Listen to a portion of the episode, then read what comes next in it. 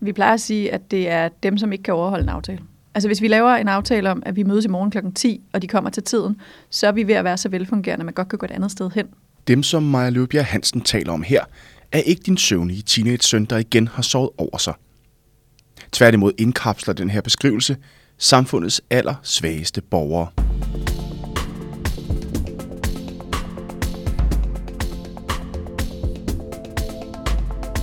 Som jurist og direktør hos Stenbruns Jurister er Maja Løbjerg Hansen i daglig kontakt med dem, der lever på bunden af samfundet. Dem, der i mange tilfælde må spejle langt efter helt grundlæggende juridiske rettigheder. Og netop arbejdet for landets svageste er det, der for få uger siden var udslagsgivende, da Stenbruns jurister modtog Drejers pris på 1 millioner kroner.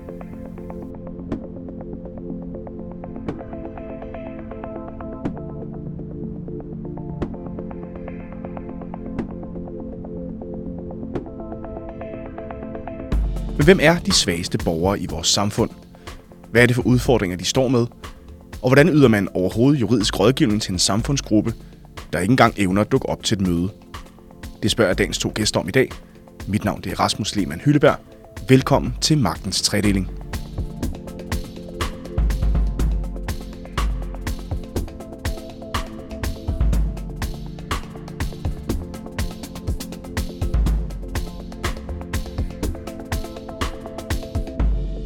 Velkommen til jer i dag, Maja Løbjerg Hansen og Philip Sosi, begge to øh, jurister hos øh, Stenbruns Jurister. Og først og fremmest tillykke med øh, den her store pris. Tak. Tak. Jeg tænker, for at fortælle historien om, hvem Stenbruns Jurister er, så tænker vi nødt til lige at vende gadejuristen, som jo, I jo øh, kommer ud af. Øhm, som I også skriver på jeres hjemmeside, så er Stenbruns Jurister jo skabt af en stor gruppe tidligere medlemmer fra gadejuristen på grund af uenighed med ledelsen dengang. Kunne I ikke starte med måske lige at gøre sådan helt øh, klart, hvordan adskiller Stenbruns jurister sig fra gadejuristen? Jeg tror, Maja?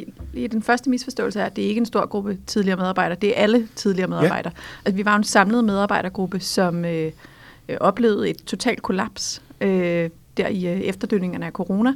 Og det gik vi til vores bestyrelse med. Det har vi sagt før, og det vil vi gerne sige igen. Mm-hmm. Og det oplevede vi blev håndteret på en måde, vi synes var til skade for brugerne på gaden. Og derfor valgte vi at øh, gå vores vej og starte forfra. Mm-hmm. Så man kan sige, jeg tror i lang tid har vi sagt, der er ikke den store forskel. Vi øh, nogle gange plejer vi at sige, at vi er gadejuristen med et nyt navn. Øh, der skete det, at gadejuristen lukkede ned, da vi gik, øh, og var lukket et halvt år, så startede vi. Øh, nu er de så opstået igen, og, øh, og jeg ved ikke så meget om, hvad deres drift er, øh, og hvordan de fungerer, men, men for os var det i lang tid meget det samme, og så tror jeg, så har vi jo taget alle mulige erfaringer med os. Vi har lært rigtig meget om, hvad vi vil og hvad vi ikke vil som arbejdspladser, som personalegruppe og i forhold til udsatte på gaden, hvordan vi vil bruge juraen. Øh, og, og alt det har vi jo med. Men når man opstår, opstår man jo tit i i trods, eller på trods af noget andet, og i konflikt med noget andet. Det har været vigtigt for os at have en stærk faglig funderet bestyrelse, hvor der var juridiske kræfter. Også en bestyrelse, hvor der er brugerrepræsentanter. Det var vigtigt for os. Og var der Det- ikke det hos gadejuristen dengang? Ikke til sidst. Nej. Øh, hverken øh, hvad hedder det, jurister eller brugerrepræsentanter til sidst. Og Philip, hvordan oplevede du øh, det her, øh, den her opsplitning? Jamen, øh, for mig var det faktisk en lidt skør historie, fordi at jeg, øh, jeg var, da alle gik, var jeg på forældreoverlov og blev fyret. Så jeg oplevede jo, at jeg øh, gik på øh, barsel i Gadejuristen og startede i Stenbruns Jurister. Og så har jeg selvfølgelig fulgt øh, udviklingen på mine øh, kollegaer, men, men det var en ret øh, vild udvikling. Så jeg oplevede jo at blive fyret, mens man gik og ledte efter nogle helt nye folk, som skulle være i Gadejuristen. Det må have været en meget, meget speciel situation for dig. Ja, det var en rimelig speciel situation. Man kan sige, at gadejuristen var jo drevet af Nana Godfredsen, der jo nu sidder i Folketinget for Moderaterne. Hun var jo en, om nogen en ildsjæl, der tegnede foreningen. Hvilke overvejelser har I haft jer i forhold til at skabe jeres egen identitet væk fra den her ildsjæl, som jo stod ret meget på mål for, hvad gadejuristen var dengang? Ja, altså det vi har lært, det er, at vi aldrig vil have med ildsjæl at gøre igen. For ildsjæl brænder op, og, øh, og hvis vi skal, altså ildsjæle, øh, det bliver jo tit sådan en und, undskyldning, også i den offentlige debat, at hvis man ikke har styr på sine procedurer og sine formalier, så er, det, så er det okay, fordi man er en ildsjæl. Og det er sådan et særligt begreb, som fungerer helt vildt på socialområdet, hvor at Jamen, det er okay, man ikke lige fik overholdt reglerne eller procedurerne eller gjort alle mulige ting, for man er en ildsjæl, der brænder for noget. Men hvis man skal være noget for dem, der har det allerdårligt, så er det enormt vigtigt, at man øh, står fagligt stærkt. Så for os har det været rigtig vigtigt hele vejen igennem processen øh, at sige til alle de journalister, vi har mødt, nej, vi er ikke ildsjæl, vi er jurister, som interesserer os rigtig meget for socialretten, og som har det aspekt med, at vi forstår gaden og ved, hvordan man skal agere i gaden, og det er det, vi er dygtige til.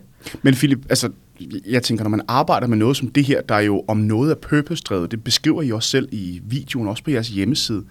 Skal der ikke være en del ildsjæl i en for at kaste sig ind i et projekt som Stenbroens Jurister?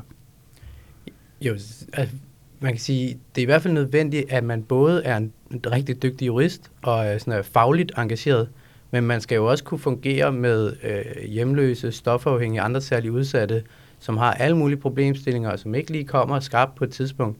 Så du skal jo du skal kunne, og du skal ville målgruppen også. Det er en forudsætning. Men jeg tror bare, ligesom hvis du skulle have foretaget øh, købe nyt hus eller sådan noget, så går du ikke til den advokat, der ligesom øh, brænder meget for det. Så går du til en, som du føler, at du vil få den bedste juridiske rådgivning hos. Og det er jo det, vi skal være for gadens folk. Så skal vi være den bedst mulige juridiske rådgivning. Ikke bare nogen, der har et godt hjerte og gode intentioner. Men betyder det, at øh, der måske tidligere øh, har været en oplevelse af, at det ikke har været det bedste juridiske grundlag, man har kunnet få hos jeg ja, gadejuristen dengang? At det altså, at var mere en, en, hvad skal man sige, en, en ildsjæl, man købte ind på? Nej, det ved jeg ikke. Nu var det jo også der var i gadejuristen. Vi synes, det var en udmærket juridisk rådgivning, der var der. Men, men vi oplevede, at der var en bestyrelse, som ikke nødvendigvis havde fokus på, øh, på det. Og det øh, havde vi en dialog om og et clash. Og på et eller andet tidspunkt, al respekt for det, så må man jo også som medarbejder sige, hvis en ledelse og en bestyrelse vil noget andet, så må man gå sin, gå sin vej. Mm. Øh, og der er øh, rigtig... Altså, vi, vi lever jo en hverdag, hvor vi oplever folk, der ikke har privilegier som, som er udfordret på alle mulige måder, enten fordi de er ordblinde, eller stofafhængige, eller psykisk sårbare, eller migranter, eller der kan være alle mulige udfordringer. Vi har det privilegie, at vi er veluddannede og lever i en velfærdsstat, hvor vi kan tage gode beslutninger. Hvis man så vælger at sige, ej, jeg finder mig i de her øh, vilkår, hvor jeg godt kan se, at jeg ikke yder det bedste for dem, jeg bør yde det for, så synes jeg ikke, man er de privilegier bevidste. Så det, det var også det for os. Vi havde muligheden for at sige, det her, det vil vi ikke. Og det var jo ikke sådan, at vi gik med det formål at skabe noget andet. Vi gik, fordi vi sagde, okay, det er der nogle andre, der må styre. Og da gadejuristen så meldte ud, at de, de nedlagde retshjælpen, så sagde vi, okay, så gør vi det. Fordi vi har alle sammen, på det tidspunkt havde vi samlet øh, 70 års erfaring fra området, så vi, så, så er det det, vi gør, vi giver det en skal. Og så var vi jo rigtig heldige på det tidspunkt, at Drejers Fond meget tidligt i processen sagde, okay, vi vil gerne hjælpe jer, så I kan komme ud. Oak Foundation Danmark var også rigtig gode. Der var rigtig meget støtte, og jeg tror, at fem måneder efter vi øh, stiftede Stenbrun Turister, fik vi jo også støtte fra, øh, fra Socialministeriets øh, SSA-reserve. Så, så vi har jo oplevet enormt meget velvilje fra både det juridiske miljø og fra fondene, til at vi kunne komme i gang, fordi vi havde kompetencerne. Mm. Stenbrols Jurister har jo eksisteret siden 2021. Hvordan har det været at skulle starte det her projekt sådan op fra bunden og samtidig lægge lidt afstand til gadejuristen? Ja, vi har ikke brugt så meget tid på gadejuristen, siden vi gik. Ja, det er selvfølgelig hårdt at starte. Det var jo en virkelighed, hvor, hvor da vi startede op, havde vi ingen midler overhovedet fra starten. De første tre måneder var vi jo uden lønninger, øh, og jeg kan huske, øh, Karoline, som er jurist hos os, ringede og var sådan, øh, jeg, jeg er nødt til at, jeg står sammen med en mand, jeg er nødt til at finde ham i morgen øh, kan jeg købe bare sådan et taletidstelefon og noget taletid? Hvad skal vi, hvad skal vi gøre? Øh, og så var vi rigtig heldige, at der var nogle, øh, nogle små advokatkontorer, som sagde, kom og brug vores lokaler, øh, så I kan komme ind og holde møder med jeres klienter. I må godt låne en computer og sætte jer ned. Og, øh, øh, og, vi, og vi fik også nogle, øh, nogle små midler i starten til lige at købe nogle telefoner. Og så er det jo, sådan er det bare. Så fik vi vores første lokaler, men vi havde ingen møbler. Altså det, det har jo været startup. Øh, men, men det har jo også været privilegeret på den måde, at vi oplevede et juridisk miljø, øh, særligt i København og Aarhus, som åbnede dørene og sagde, så kom indenfor. Øh, og og det, det synes jeg, det har været enormt kærligt. Og gaden var jo også med det samme anerkendende og sagde, Nå, nå, nu er cyklen ikke sort længere, nu er den hvid, og så er det okay. Så vi har jo bare kørt derud af. Øh, det er klart, at der var en periode, hvor vi ikke kunne være alt det, vi var vant til at være og gerne ville være i forhold til dem, der var på gaden. Og det gjorde ondt, men vi ved også, at det var en proces, vi skulle igennem for at stå bedre. Jeg synes, vi står mere øh, stærkt i dag, og vi får lavet rigtig mange ting, og du beskriver det nogle gange som om, at... Øh, at lad, lad mig, fordi jeg har brugt et billede før, at, øh, at, at efter at være i det her skifte og være i Stenbogens jurister nu, så er det meget det samme, men det er lidt ligesom at køre med en bil og så øh, få sluppet håndbremsen. Fordi jeg synes, vi kører øh, hurtigere og, øh, og når mere øh, øh, for færre ressourcer faktisk lige nu. Øh, så, så jeg synes, at det har også været en proces, hvor vi er blevet meget skarpere på ikke at spille tid på alle mulige fikse idéer, og fokusere på det, der er vigtigt for vores målgruppe.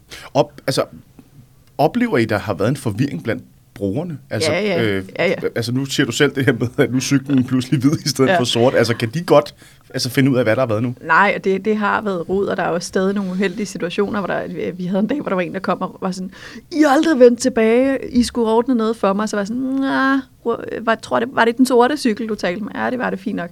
Men jeg synes, det hold, øh, der er jurister også, skal- altså gadejuristen har skiftet hold et par gange, men, men de, det er jo søde mennesker, og det er jo bare det er jo jurister, men så tager man telefonen og ringer og siger, står en, der hedder Michael, som er fuldstændig sikker på, at han har en sag hos os, er det muligvis jer, og så finder vi ud af det på den måde. Øh, så det, så det, øh, Øh, det synes jeg, at de har, været, de har været gode til de skiftende kræfter, der har været der. Men, men det er klart, at det giver nogle forvirring, og at de skal finde deres ben. Vi har, jeg synes, vi står stærkt der, hvor vi altid har gjort det, vi er glade for, og, og vi håber, at de snart finder et niveau. Man kunne læse øh, på TV2 i øh, januar 2022, at øh, I jo faktisk stod til pludselig øh, at stå uden bevillinger i januar 23, da Danmark jo manglede en ny regering. Øhm, og dengang der øh, var I nødt til at fyre alle medarbejdere, alle ni medarbejdere. Hvordan var det at modtage den her melding? Ja, altså, det, det blev en meget stor historie, men det var jo det, vi kom fra. Vi kom jo fra i 21 ikke at have fået løn, og hele 22 var noget, jeg tror, vi var ansat i sådan nogle øh, tre måneders rull hele tiden, øh, og så på et tidspunkt var vi nødt til at sige, nu fastansætter vi. Og så kom den der situation i januar. Der tror jeg, på det tidspunkt var vi alle sammen så tykhudet, at øh, jeg kunne huske, at jeg ringede til alle og sagde, jeg sender lige en mail, hvor der står, du er opsagt, og så grinede de lidt og sagde, det er fint nok, men hvad skal vi i morgen? altså, så, øh, så, så, men, men det er, det er et vilkår, det er et urimeligt vilkår, øh, for socialområdet, at man arbejder puljebaseret. Og det håber vi øh, rigtig meget, vi kan komme hen til ikke at være. Øh, og man kan sige, der er jo den her, det, det, det har jeg sagt før, i udlandet arbejder advokatkontor med pro bono-arbejde, og i Danmark gør man det ikke i samme omfang, fordi man har en tillid til, at socialstaten løfter det, og at vi finansierer nogle retshjælpe. Må jeg Men- godt lige, må jeg, må jeg godt lige spørge til det, fordi jeg, du nævnte det også i en debat, der var i, øh, i fredags til Ja. Jeff Advokat-dagen, det her med det manglende pro bono-arbejde. Altså kigger man på de store øh, advokathus hjemmesider, der står jo øh, flere steder, at man arbejder med pro bono-projekter flere steder i verden. Hvad er det, du oplever, der mangler? Jeg, jeg synes, der mangler pro bono-arbejde i Danmark. Øh, og jeg har fuld respekt for, at man øh, på mange af de store kontorer har partnerskaber eller er involveret, altså er- jo advokathus, der er internationalt, og derfor laver noget. Og der bliver også nogle gange lavet noget for de store firmaer. Men, men det, at man er en privatperson, som har behov for og ikke har råd til øh, at gå til advokat i Danmark, har vi en forventning om, at dækket gennem retshjælp og retshjælpsforsikring. Og det er det bare ikke længere. Der er ret mange analyser, også fra Justitsministeriet, Justitia og andre, som siger, at retshjælpen i Danmark fungerer ikke for dem, det skal. Øhm, og, og det er vi simpelthen nødt til at have en samtale om, og vi er også nødt til at sige, at der er rigtig meget på socialområdet, som ikke fungerer ordentligt. Vi har nogle kommuner nu, der går ud og siger, vi kan ikke overholde loven, vi har ikke råd til at overholde loven, vi er nødt til at skære i noget. Det er jo helt horribelt, det vil ikke ske på andre måder. Jeg synes jo, hele det her ejendomsvurderingsskandalen er et fantastisk eksempel, fordi alle, det har jo fokus ugenligt i pressen. Alle er enige om, det skal nok finde et leje på et tidspunkt, for der skal nok være så mange mennesker, der klager og sagsøger, og der skal nok blive principielle søgsmål hele vejen igennem, sådan så det finder det rigtige niveau. Samtidig har vi haft en KY-skandale, som ingen rigtig, og nogen kender det godt, men man skal virkelig være lidt nørdet for det, hvor kommunerne er overgået til et nyt ydelsessystem, som via AI-funktioner er gået ind og har stoppet øh, udsatte menneskers offentlige ydelser. Det vil jeg godt lige vende tilbage til. Øh, Ja, Øhm, og, og, og det får ikke nødvendigvis et leje, fordi det er ikke nødvendigvis borgere, som klager og går steder hen. Det, er- det er en, en kæmpe skandal på vores område, som jo bliver fundet af øh, et, et tilsyn øh, og en, en revision, og jo ikke af, at borgerne ser det selv. Og derfor kunne jeg godt tænke mig, at advokatkontorerne gjorde sig mere tilgængelige der, og også var med til at finansiere de her retshjælpsindsatser. Og det tror jeg sådan set skal til. Og det var det, vi kom fra. Det var det der med, at den usikre puljefinansiering kan ikke være et vilkår for retshjælpene, hvis vi skal være noget for dem, der har allermest brug for det. Og retshjælp skal jo fungere nederst. Men så, så må jeg godt lige skyde over til dig, Philip, i forhold til retshjælp, fordi vi har jo en regering, øh, der har øh, et juridisk system, der har lovet en arbejdsgruppe, der skulle kigge på retshjælp, og hvordan at systemet for retshjælp fungerer i Danmark, men som jo er blevet lagt ned øh, for ikke særlig lang tid siden. Hvad betyder det for jeres arbejde? Er den lagt ned, eller har Justitsministeriet bare sagt, at de ikke øh, prioriterer ressourcer Den er i hvert til fald suspenderet for nu. Altså, der er, jo, der er jo brug for, at der sker noget med hele det her område. Og det der jo også, man skal for at forstå vores behov for finansiering særligt, det er jo, at der er jo nogle puljer til retshjælp i Danmark. Men der er to forudsætninger, som vi ikke kan imødekomme. Den ene er, at du skal være for alle. Det vil sige, hvis jeg kommer og gerne vil købe et nyt hus eller andet sted, så skal de også rådgive mig på sådan det grundlæggende mundtlige rådgivning. Og den anden ting er, at man skal tage alle retsområder. Og det vil sige, så kan du ikke specialisere dig. Og vi har brug for, øh, i Danmark tror jeg, at retshjælpene bliver specialiseret. Øh, og vi har så valgt et område, hvor vi prøver at løfte nedefra op, hvis man kan sige det på den måde. Så vi, øh, vi, har, vi har afgrænset vores målgruppe, sige det er hjemløse, stofafhængige, andre særligt udsatte, som lever eller opholder sig på, øh, på gaden. Og derfor bliver vi også specialiseret i de problemstillinger, som de typisk møder. Øhm, men, men det gør jo så, at vi ikke kan få adgang til de almindelige øh, puljer. Og det vil sige, øh, så har vi brug for en anden finansiering. Og så vil jeg bare sige, at det er jo fint nok med pro bono-arbejde, men vi har jo også oplevet nogle gange, at der er advokater, der er kommet ud til os og talt om, fordi de gerne vil lave pro bono-arbejde. Men det bliver ret hurtigt klart, at, at de bliver overrasket over sådan dybden af vores faglighed inden for sundhedsret, inden for socialret, inden for øh, sådan bødesagsområde, som advokater normalt ikke deltager i. Det går meget, meget bredt og meget, meget dybt. Og så ender det jo øh, hurtigt med, at, øh, at vi kommer til en snak, der hedder, vi har mere brug for advokathusenes penge, end deres medarbejdere, fordi de ikke nødvendigvis er specialiseret i det, vores målgruppe har brug for. I forhold til finansiering, nu står I jo her, øh, vi tæller november 23, 1. november i dag. Øh, I har netop modtaget den her drejspris, og med den jo også en million kroner. Det må være et kæmpe rygstød for jer. Hvad betyder det for jeres arbejde? det giver os jo noget frihed, og, og vi håber jo også, det giver os plads til at blive, øh, vi plejer at blive, sige sjovere, det er ikke alle, der ved, hvad det betyder, men, men at man kan lave nogle projekter og afsøge nogle nye ting. Øh, vi øh, regner med i løbet af den her uge, at, øh, at Socialområdets øh, socialreserve falder på plads, og det vil sige vores offentlige finansiering til næste år. Og den ved vi jo ikke, hvor lander, for det er modsat alt andet offentligt finansieret. Et lukket rum, hvor nogle politikere går ind og laver nogle aftaler om, hvad der skal ske uden ansøgningsrunder, uden gennemsigtighed. Så, øh, så jeg vil da gerne stå her og love, at øh, det er en million ekstra, som vi skal bruge til alle mulige ting. Men lige nu ved vi det ikke. Og, og sådan er vilkårene. Øh, de, igen det, som jeg kalder de urimelige vilkår, hvis man er på socialområdet, og det synes jeg jo ikke retshjælpene skal finansieres af socialområdet. Men hvis vi opnår det, vi har haft sidste år, så skal det jo bruges til at finde ud af, hvordan vi bliver endnu bedre og bliver endnu mere.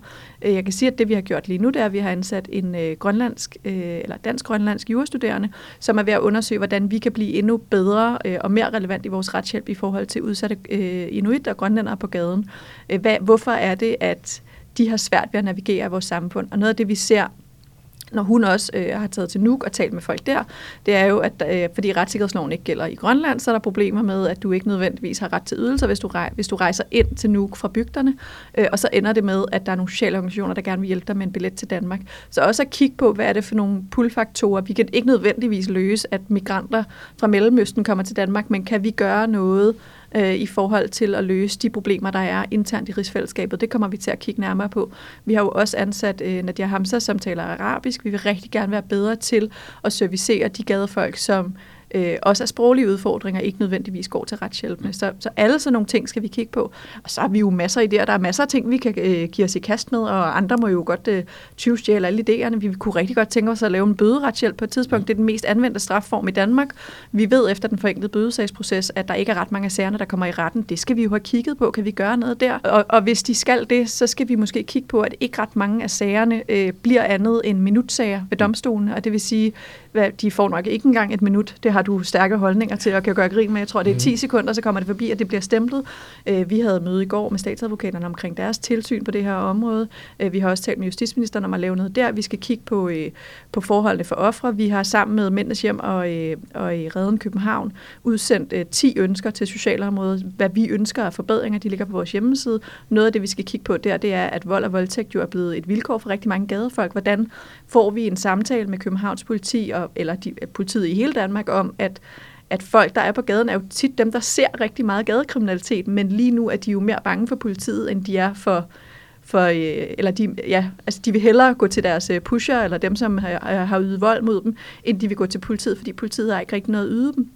Som vi talte om før, hvorfor er det to tredjedel af alle dem, der bruger opioider øh, og stoffer i Danmark, ikke er i behandlingssystemet? Hvorfor er det, de siger til os, jamen, låne ned fra kommunen er ikke rar, jeg vil hellere tale med min pusher, øh, som også nogle gange slår mig i hovedet, fordi det er faktisk en mere værdig behandling, jeg føler, jeg får der, end hvis jeg går på kommunen. Så alle sådan nogle ting.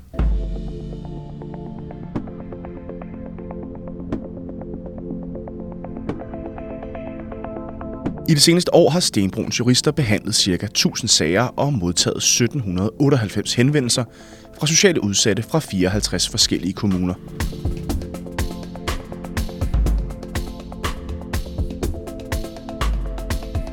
Og når vi taler socialt udsatte, ja, så er vi tilbage til det her med mennesker, der ikke engang kan overholde en aftale.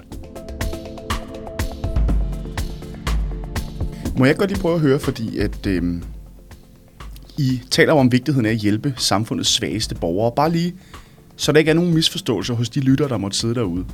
Øh, jeg tror, vi måske alle sammen har et billede af, hvordan samfundets svageste borgere ser ud. Men Philip, kunne I ikke lige prøve at sådan skitsere, hvad kendetegner de allersvageste, altså dem, I møder ude på gaden? Fordi nogle gange tænker jeg, at det måske kan være svært overhovedet at forstå, altså hvor få ressourcer de her mennesker har.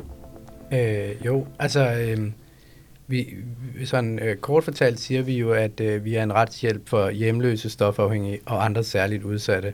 Og andre særligt udsatte, det er jo også øh, sexarbejdere, øh, især på gaden. Det er personer med forskellige øh, psykiske problemstillinger, som opholder sig på gaden. Det kan være øh, migranter med, med meget få eller ingen rettigheder i, i Danmark. Øh, hvad hedder det? Øh, men nogle gange så er de jo alle sammen, eller så er, der jo, så er personerne det hele på én gang. Og folk har flere forskellige øh, diagnoser og er udfordret på alle mulige måder, udover at de måske ikke har et hjem, eller måske har de et hjem, som de ikke tør opholde sig i. Altså, vi taler folk, som, hvad kan man sige, øh, som er udfordret på alle mulige måder, og som så i vidt omfang også er øh, kriminaliseret på grund af deres, øh, det stofbrug, øh, de har, på grund af, at de øh, sover på gaden, og, og der er meget snævre rammer for, hvordan man må gøre det lovligt nu. Så der er jo alle mulige ting omkring øh, det, og så er der, øh, og, og de bliver tit skubbet rundt øh, fra sted til sted, fordi der ikke rigtig er øh, et sted, de må være, øh, så, så de er tit uønskede alle mulige steder. Så de er presset, øh, både sådan, på grund af deres generelle livsvilkår, på grund af lovgivningen, på grund af øh, håndhævelsen af, af, af regler alle mulige steder. Så det er, det er en komplekst udfordret persongruppe, øh, som det er meget svært at sætte øh, tal på, men, men som, øh, som mange ikke ser. Men når man ser dem, så fylder de øh, meget. Vi plejer at sige, at det er dem, som ikke kan overholde en aftale. Altså hvis vi laver en aftale om, at vi mødes i morgen kl. 10, og de kommer til tiden, så er vi ved at være så velfungerende, at man godt kan gå et andet sted hen. Det er jo virkeligheden. Øh, eller når vi taler med folk, forsøger vi jo rigtig tit at rådgive dem om, hvad de skal gøre. Øh, og det vil vi også rigtig gerne, men vores målgruppe er jo dem, som så kommer tilbage og siger, øh, enten at det virkede ikke, fordi jeg kom til at øh, kalde damen ned i banken en møgluder, da hun sagde nej første gang, eller øh, op på kommunen kom jeg kom til at kaste med pengekassen øh, igennem lokalet, eller du ved, alle de der ting. Øh, eller at vi ikke hører tilbage fra dem, og så møder man dem på gaden og siger, hey, hvordan, hvordan, hvordan gik det egentlig? Og så var det sådan, ah, det fik jeg ikke gjort. Og det er jo også derfor, vi er ude. Vi er ude med en ladcykel, men vi er også ude på den måde, at det store stofindtagelsesrum i København hos 17 ringer til os og siger, vi står med en nu, kan I komme herned? Det har vi ressourcer og tid til, så kommer vi ned, eller kommer ned på redden eller mændenes hjem, og i Aarhus tager vi også ud i nålepakken, og er til stede de steder, hvor folk er, fordi det er vi nødt til. Det er, det er den målgruppe, som ikke kan komme til aftaletid. Udover at man ikke kan overholde en aftale. Ja. Hvad, hvad er det så for, for sådan henvendelser og sager, som I hjælper de her borgere med? Altså, de helt store ting, det er øh, tag over hovedet, øh, komme ind på et herberg, komme videre i sådan en øh, boligsøgning. Øh, øh, det handler om øh, penge at købe øh, mad for, og det vil sige, det er enten at få øh, bevillet ydelser, men det kan lige så meget være at få dem udbetalt, fordi man ikke har en bankkonto, det har fyldt rigtig meget for os. Øhm, og så er det øh, rusmiddelbehandling, øh, stof og alkohol, og så adgang til sundhedssystemet i øvrigt. Fordi der er bare en kæmpe ulighed i sundhed, og der er alle mulige problemstillinger omkring når du siger det. Ad, når du siger adgang til sundhedsvæsenet, jeg tænker, at vores hospitaler og, og læger, altså er de ikke åbne for alle? Har man ikke en læge? Altså, og nu spørger jeg, fordi jeg ikke ved det. Altså, kan man ikke altid få behandling i Danmark? Øh, altså, der, der, der, der er flere øh, grene af den problemstilling. Noget er jo, hvad kan man sige, at hvis du øh, øh, øh, hører til, hvis man kan sige det på den måde, i en kommune, men opholder dig i en anden, og du gerne vil indskrives i stofbehandling, og du skal komme mandag kl. 10, for det er der lægen er der, og så ellers er han der først om to uger igen. Så er det svært. Der kan også være alle mulige problemstillinger, hvis du øh, øh, ikke har øh, fulde rettigheder i Danmark til at få øh, mere end akut behandling.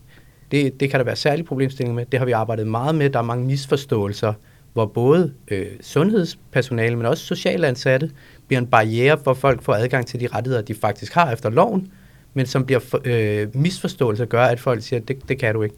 Så der, så der er alle mulige ting omkring sundhed, som fylder øh, rigtig meget, og som jo forværrer folks situation, hvis de ikke får øh, alt fra sårbehandling til, til, til stofbehandling, ikke? kan man sige. Eller jo, så er der jo meget sådan nogle praktiske udfordringer med, at hvis du søger rusmiddelbehandling, så siger de, jamen du, du er simpelthen for vild til at være på det her center, du er for voldsom, du kommer i konflikt med alle, du skal have noget hjælp i psykiatrien, og så har vi en psykiatri, der siger, vi kan simpelthen ikke hjælpe det her person med deres psykiske udfordringer, før de holder op med at bruge kokain øh, 10 gange dagligt. Øh, og det er der lovgivning, der siger, at det må man ikke, men i praksis står der nogle medarbejdere, og siger, hvad skal vi gøre? Øh, min kollega Tobias Dorf og jeg var ude og have en snak med en, øh, en masse øh, sygeplejersker den anden dag, som også siger, når folk bliver ved med at komme ind øh, på ugenlig basis og bede om afrusning, skal vi så blive ved, for det tager jo enormt meget tid på den her skadestue, hvor der også er rigtig mange andre udfordringer, men vi må sige, ja, det skal I, fordi det er en rettighed i sundhedsloven. Øh, vi har også nogen, der bliver smidt ud fra akutmodtagelserne, fordi de er meget voldsomme, hvor vi kan jo godt sige til folk, der er meget aggressivt øh, udadreagerende. Det er de jo, fordi vi har en psykiatri, der ikke virker. Du skal forsøge at tale pænt, når du kommer ind til sygeplejerskerne. Mm. Men vi er jo også dem, der skal sige til sygeplejerskerne, det er ikke en forudsætning i sundhedsloven, at man taler pænt. Selvfølgelig skal I passe på jer selv, og vi skal sørge for, at der er sikkerhed for de offentlige ansatte på hospitalerne. Men når folk ikke får den, den behandling, de har behov for i psykiatrien, så er de jo stadig brug for at få øh, passet foden, hvis den er brækket, fordi de er blevet ramt af en bil, fordi de er ude i det offentlige rum rigtig meget, eller de, de har fået en på hovedet, fordi de nogle gange opfører sig fuldstændig øh, utilbørligt øh, øh, af nogle andre, så skal de jo også have passet de sår, selvom de ikke kan agere som andre. Og der tror jeg, og det, det har jeg også sagt før, at før i tiden var der måske en større forståelse for, at folk havde et lavere funktionsniveau, men vi er meget opdelt i Danmark i, at vi omgås dem, der ligner os selv. Og nogle gange har vi måske hvis vi er veluddannede akademikere og kun ser os nogen som os selv, en manglende forståelse for, hvor anderledes man agerer, hvis man er i den anden del af Danmark. Philip, lige før, der sagde du noget interessant, det her med, øhm, og, jeg, og I nævner det også i den video, som øh, I har lavet sammen med Drejers Fond i forbindelse med prisen her, det her med, at man øh, gerne vil indskrive sin kommune til noget stofbehandling, men at man som hjemløs jo nogle gange driver rundt mellem kommuner. Og I nævner øh, et begreb, der hedder afregistrering af hjemløse hos kommunerne. Øhm, hvad er det for en tendens? Skulle I ikke prøve at uddybe den, Maja? Jo, det er i forbindelse med øh, den her hjemløse reform, som er vedtaget nu, som skal tage sådan en livsag, og det, og det gør den virkelig også, øh, hvor, hvor man siger, det har altid været en god idé at få folk i bolig. Det er økonomisk ansvarligt, det er bedst for den udsatte selv, det giver mening på alle mulige måder, men det er ikke det, der er sket i kommunerne. Og det er ret fantastisk, for der står i forarbejderne til, til lovgivningen på det her område, der er sådan set ikke brug for lovændring, fordi det har altid været muligt at gøre det, men vi kan se, at det ikke bliver gjort, så derfor så, så gør man det nu, at man har lavet et incitamentstruktur, hvor man presser kommunerne til at gøre det, man ved, der virker. Og hvad er det? Simpelthen ved, at man skærer. Der har, indtil nu har der været 50% refusion på kommunernes udgift til herbergsophold, det vil sige, at staten har betalt 50%. For evigt. For evigt. Det har gjort, at stigningerne på de kommunale herberg naturligvis er steget, fordi de kunne sende 50% regning til, til til staten, øh, og også at folk tit blev der, i stedet for at komme ud i botilbud, eller hvad de havde brug for. Derfor siger man nu, I kan kun få refusion i tre måneder. Det gør jo så også, at øh, hjemløse og andre udsatte står til at blive en ret stor udgift, hvis kommunerne ikke ret hurtigt omlægger indsatsen. Og selvom det her er noget, vi har talt om i fem år, det har været forberedt og det har været varslet, så er der rigtig mange kommuner, der endnu ikke er der, hvor de har boligerne til en housing first-strategi, hvor vi simpelthen skal de hjemløse ind. Og det betyder også, at det, øh, det kunne være rigtig rart, hvis de hjemløse ikke var registreret i ens kommune. Og det vil sige, at vi ser lige pludselig henvendelser fra borgere, der siger, de siger noget på folkeregisteret, at selvom jeg blev registreret for et år siden, så bliver jeg afregistreret nu, fordi jeg har jo aldrig rigtig været der, eller de synes alligevel ikke, jeg har været der lang tid nok til, det var en ægte bolig. Vi ser også danskere, øh, og også ikke nødvendigvis vores segment, som har været i udlandet, der kommer tilbage til Danmark og gerne vil registrere sig som indrejst, men som så får problemer, fordi der bliver skrappere regler for, hvordan man bliver registreret i kommunerne. Altså simpelthen i CPR på folkeregisteret. Men så bare lige for at forstå mig, betyder det, at vi har nogle kommuner, der øh, aktivt eller har et system for at afregistrere de hjemløse, der har registreret deres egen kommune, ja. simpelthen for, at det skal se bedre ud på Ja, på papir. Simpelthen for at miste udgiften til de borgere. Øh, og jeg tror ikke, det er øh, øh ond, øh, øh, ondskab nødvendigvis, men der er fokus på øh, udgiftsstyring i kommunerne, tror jeg, man vil sige, øh, og, og reducere udgifterne til, det, til de her specialiserede socialområder. Og det er høje udgifter, der er i de her indsatser. Det er der ingen tvivl om. Og det vil sige, hvis man kan sende den regning over til en anden kommune, så vil man det rigtig gerne. Og noget af det mest oversete i den her hjemløsreform, som ingen rigtig på socialområdet har talt om, men som vi elsker, og det er jo nok, fordi vi er juristerne i rummet, det er, at der kommer en ændring af retssikkerhedsloven, sådan så vi nu kan indbringe kommunale tvist, mellemkommunale tvister for Ankestyrelsen. Det har vi ikke kunnet før. Før har det været sådan, at hvis hjemløse blev afvist i døren, så skulle kommunerne internt starte et tvist. Og det vil sige, at vi skulle bruge tid på at ringe til Folkeregisteret i Hedensted Kommune og sige, mm, hvis I afviser Jens, øh, så, så, må, altså, så må I jo sende ham et sted hen, og så må I jo ringe til den anden. I kan ikke bare vende ham i døren og sige, tag til Aarhus. Så må I ringe til Aarhus og sige, hvis I ikke tager den, så tager vi den, og så starter vi en tvist i Ankestyrelsen. Det er der ingen, der har været interesseret i, for det har krævet ressourcer. Ej, selvfølgelig har der været nogen, der har gjort det, men vi har set rigtig mange, der bare blev vendt i døren. Nu har vi muligheden for, sammen med Jens, at ringe til Ankestyrelsen og sige, hvilken kommune har ansvaret, hvad skal der ske her? Og i den vurdering, der tæller hvor man er CPR-registreret. Og derfor ser vi de her sådan meget øh, kreative og aggressive tiltag fra nogle af folkeregisterne i kommunerne til at prøve at få afregistreret folk, og det kommer vi til at sætte fokus på det næste år. Ja, for hvor stort et problem er det her? Øh, jeg tror, det bliver et større problem. Der er jo intet af det, vi laver, der er store problemer samfundsmæssigt. Det er store problemer på udsatte områder, og det kan blive store problemer, hvis vi ikke stopper det. Udfordringen med bankkonti har været et kæmpe stort problem på socialområdet. Nok ikke for det brede samfund, men det ville være blevet det, hvis vi ikke havde sat en prop i, i, det, i det problem, der har været. Øhm, men, men hvis det er det ved jeg ikke, hvis det er 250 mennesker, der har problemer med det her, er det så et stort problem? For os er det jo. Og for de 250 mennesker er det et kæmpe problem. For retssikkerheden og for retsstaten er det et kæmpe problem. Jeg ved ikke, om det er det for samfundet. Det er jo det der med, om vi lever i det samme retssamfund efterhånden. I nævner også en anden problematik øh, i forbindelse med øh, prisen her. I nævner også de unge hjemløse. Hvad, hvad kendetegner den gruppe, Maja? Jamen det er, at vi, de unge hjemløse er ikke nødvendigvis på herbergen eller på gaden på samme måde. Det vil sige, det er der også nogle af dem, der er. Men de er jo tit øh, sofa-sovere, som vi kalder det. Eller, altså, hvor øh, unge mennesker snakker vi om her? Vi taler om børn. Ja. Vi taler om, at vi, vi i København har vi jo nu reelt et børneherberg, altså for, for hjemløse under 18, Joanna-huset. Helt fantastisk sted, som jeg også synes, at alle advokatkontorer burde uh, tage ud og se og, og tale med. Og de har i øvrigt også ansat en, en, øh, en advokat og en jurist, uh, begge dele nu, fordi de simpelthen har behov for at løfte de her børnesager. Altså, de hjemløse, vi har, som er voksne og gamle, og nogle af dem pensionister, har jo alle sammen stort set haft udfordringer i den tidlige barndom. Og vi ser børn, som går fra familier, fordi det er så dysfunktionelt, at de ikke kan være der, og de ender på gaden, og nogle af dem sover jo også ude på gaden. Øhm, men de er det bare på en anden måde. De bruger mere hinandens netværk, så bor man måske hos en skolevenindens forældre, som heller ikke har det helt vildt godt, men der er ikke så meget opsyn i hjemmet med, hvad der, er, der sker. Og de skal også have noget hjælp. I nævner blandt andet det her med, at øh, altså mistrivsel blandt unge, som det, der blandt andet driver dem ud på gaden. Altså kan man, Betyder det, at man kan... Altså, vi, vi hører rigtig meget om unges mistrivsel øh, over en bred palette. Det er både i skole og socialt og alt muligt andet. Altså, kan man trække en direkte linje fra unges mistrivsel, så til for eksempel stofmisbrug og hjemløshed blandt unge mennesker? Det er i hvert fald meldingen fra kommunerne, det er, at de ser flere og flere helt unge, der bliver indskrevet i opioidbehandling. Altså, Men der så bliver været... de psykiatriske problemer jo også, de samfundsmæssige ja, ja. problemer jo det øh, det meget konkrete, for så, så risikerer vi, ja. vi vel at stå et sted, hvor at selv øh, altså, unge mennesker tæller med i de statistikker, som du taler om. Ja, og opioidkrisen, som vi jo har set i USA, og, og sådan set også i resten af Europa, hvilket vi ikke rigtig har talt om, øh, er der jo også snak om i kommunerne er ved at ramme Danmark på den måde, at, øh, at under corona var det jo sådan, at du kunne ikke nødvendigvis få cannabis, fordi der var samtidig en masse transportsystemer, der stoppede, men de der piller, som gjorde, at man ikke følte skyld og skam og sorg, de, dem, de kunne godt komme frem.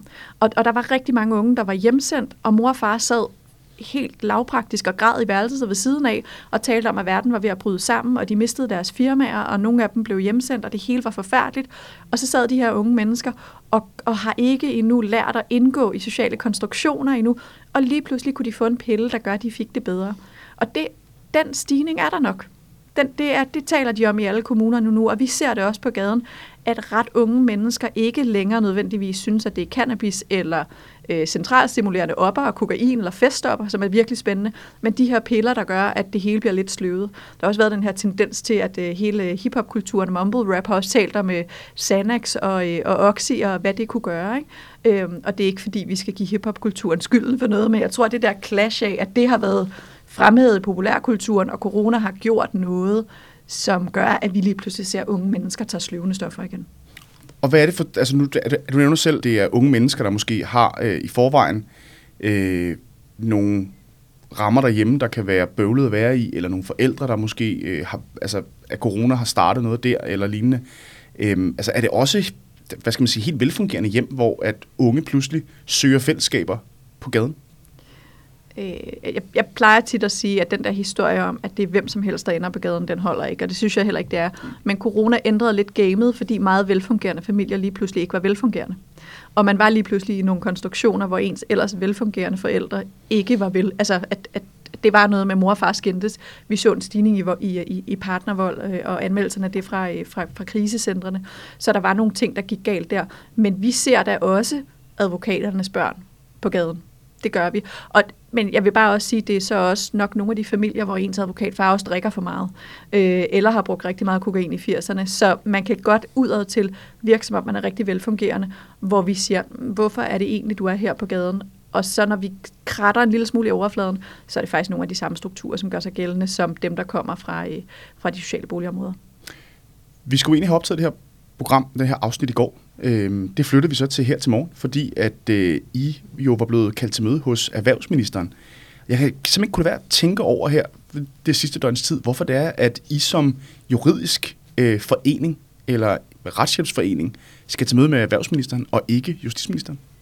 Øh, vi har også været til møde med justitsministeren ja. for ikke så lang tid øh, siden, øh, fordi vi jo har øh, sat meget skarp fokus på den problemstilling, at, øh, at øh, de mest udsatte stofbrugere, som er undtaget for straf i lov om euforiserende stoffer, de får bøder alligevel.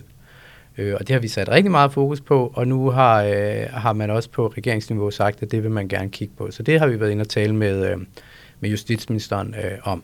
Når vi talte med erhvervsministeren i, øh, i går og har øh, med, øh, været meget øh, i erhvervsministeriet, så er det fordi, at det er øh, det ministerie, der er ressortministerie for, for, for bankerne og for Finans Danmark, og fordi vi har set så mange problemer med øh, øh, hjemløse og i øvrigt også mange andre, der ikke kan få en bankkonto og derfor ikke kan få deres offentlige ydelser eller ikke kan agere i samfundet, så har det været en problemstilling, øh, vi har haft meget fokus på, og så har Morten Bødskov gået ud som erhvervsminister også og taget det her problemstilling op og sagt, at det vil han øh, gerne have løst.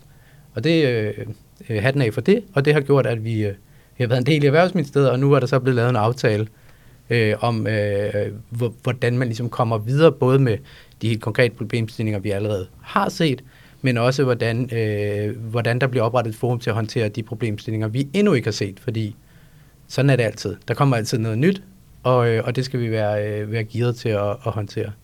Føler I, at regeringen har de her sociale udsatte med i deres overvejelser, når de laver lovgivning? Det er jo, jeg har lige været, været tilbage og kigge på nogle af de øh, pressemeddelelser, jeg har fået fra Justitsministeriet de sidste bare to år. Der er ikke meget, der har med hjemløse at gøre, andet end noget omkring kriminalisering af hjemløse på gaden. Så hvordan er det, vi taler om den her gruppe på regeringsniveau som, altså, og på samfundsniveau, Maja? Regeringsgrundlaget har jo et værdighedskapitel, Øhm, og når man kigger det igennem, så tror jeg, at vi, vi var lidt hårde i de første dage, så sagde vi, hvad står der egentlig? For eksempel skal man kigge på den evaluering, der tidligere har været på heroinbehandling. Og det kan vi jo godt i vores stillesind grine Man skal evaluere en evaluering? Ja, ja, man skulle kigge på den. Ja, det, det er, jeg ikke helt øh, at gennemlyse problemerne ja. på et område, og vi var sådan, skulle vi lave nogle øh, TikTok-videoer med nogle lommelygter og høre, hvordan man gennemlyser ting.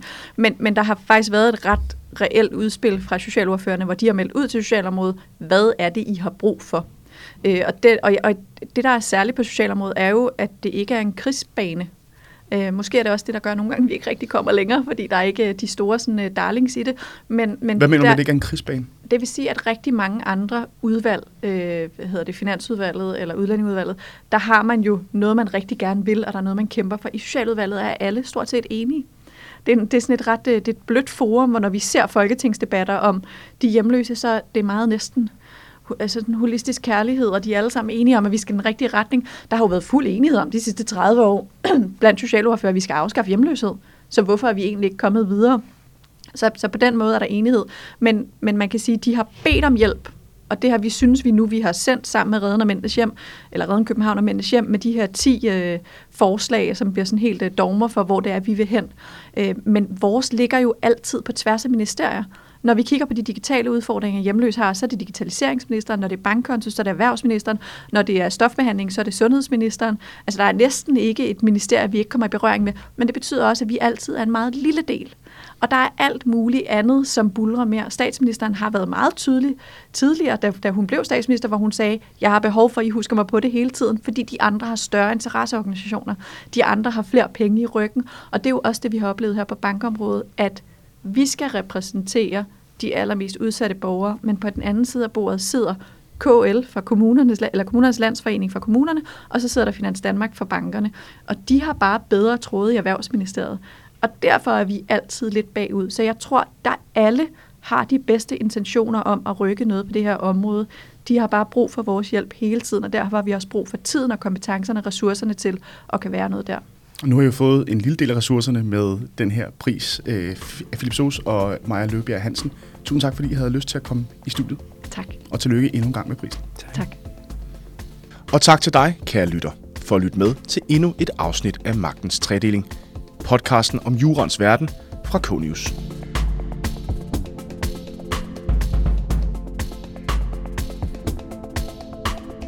Du kan finde hele vores katalog af podcast-episoder på Apple Podcast, eller hvor du ellers finder din lyd. Og her må du meget gerne efterlade os en anmeldelse, hvis du kan lide, hvad du lytter til. K-News er en del af Karnow Group. Tak, fordi du lyttede med.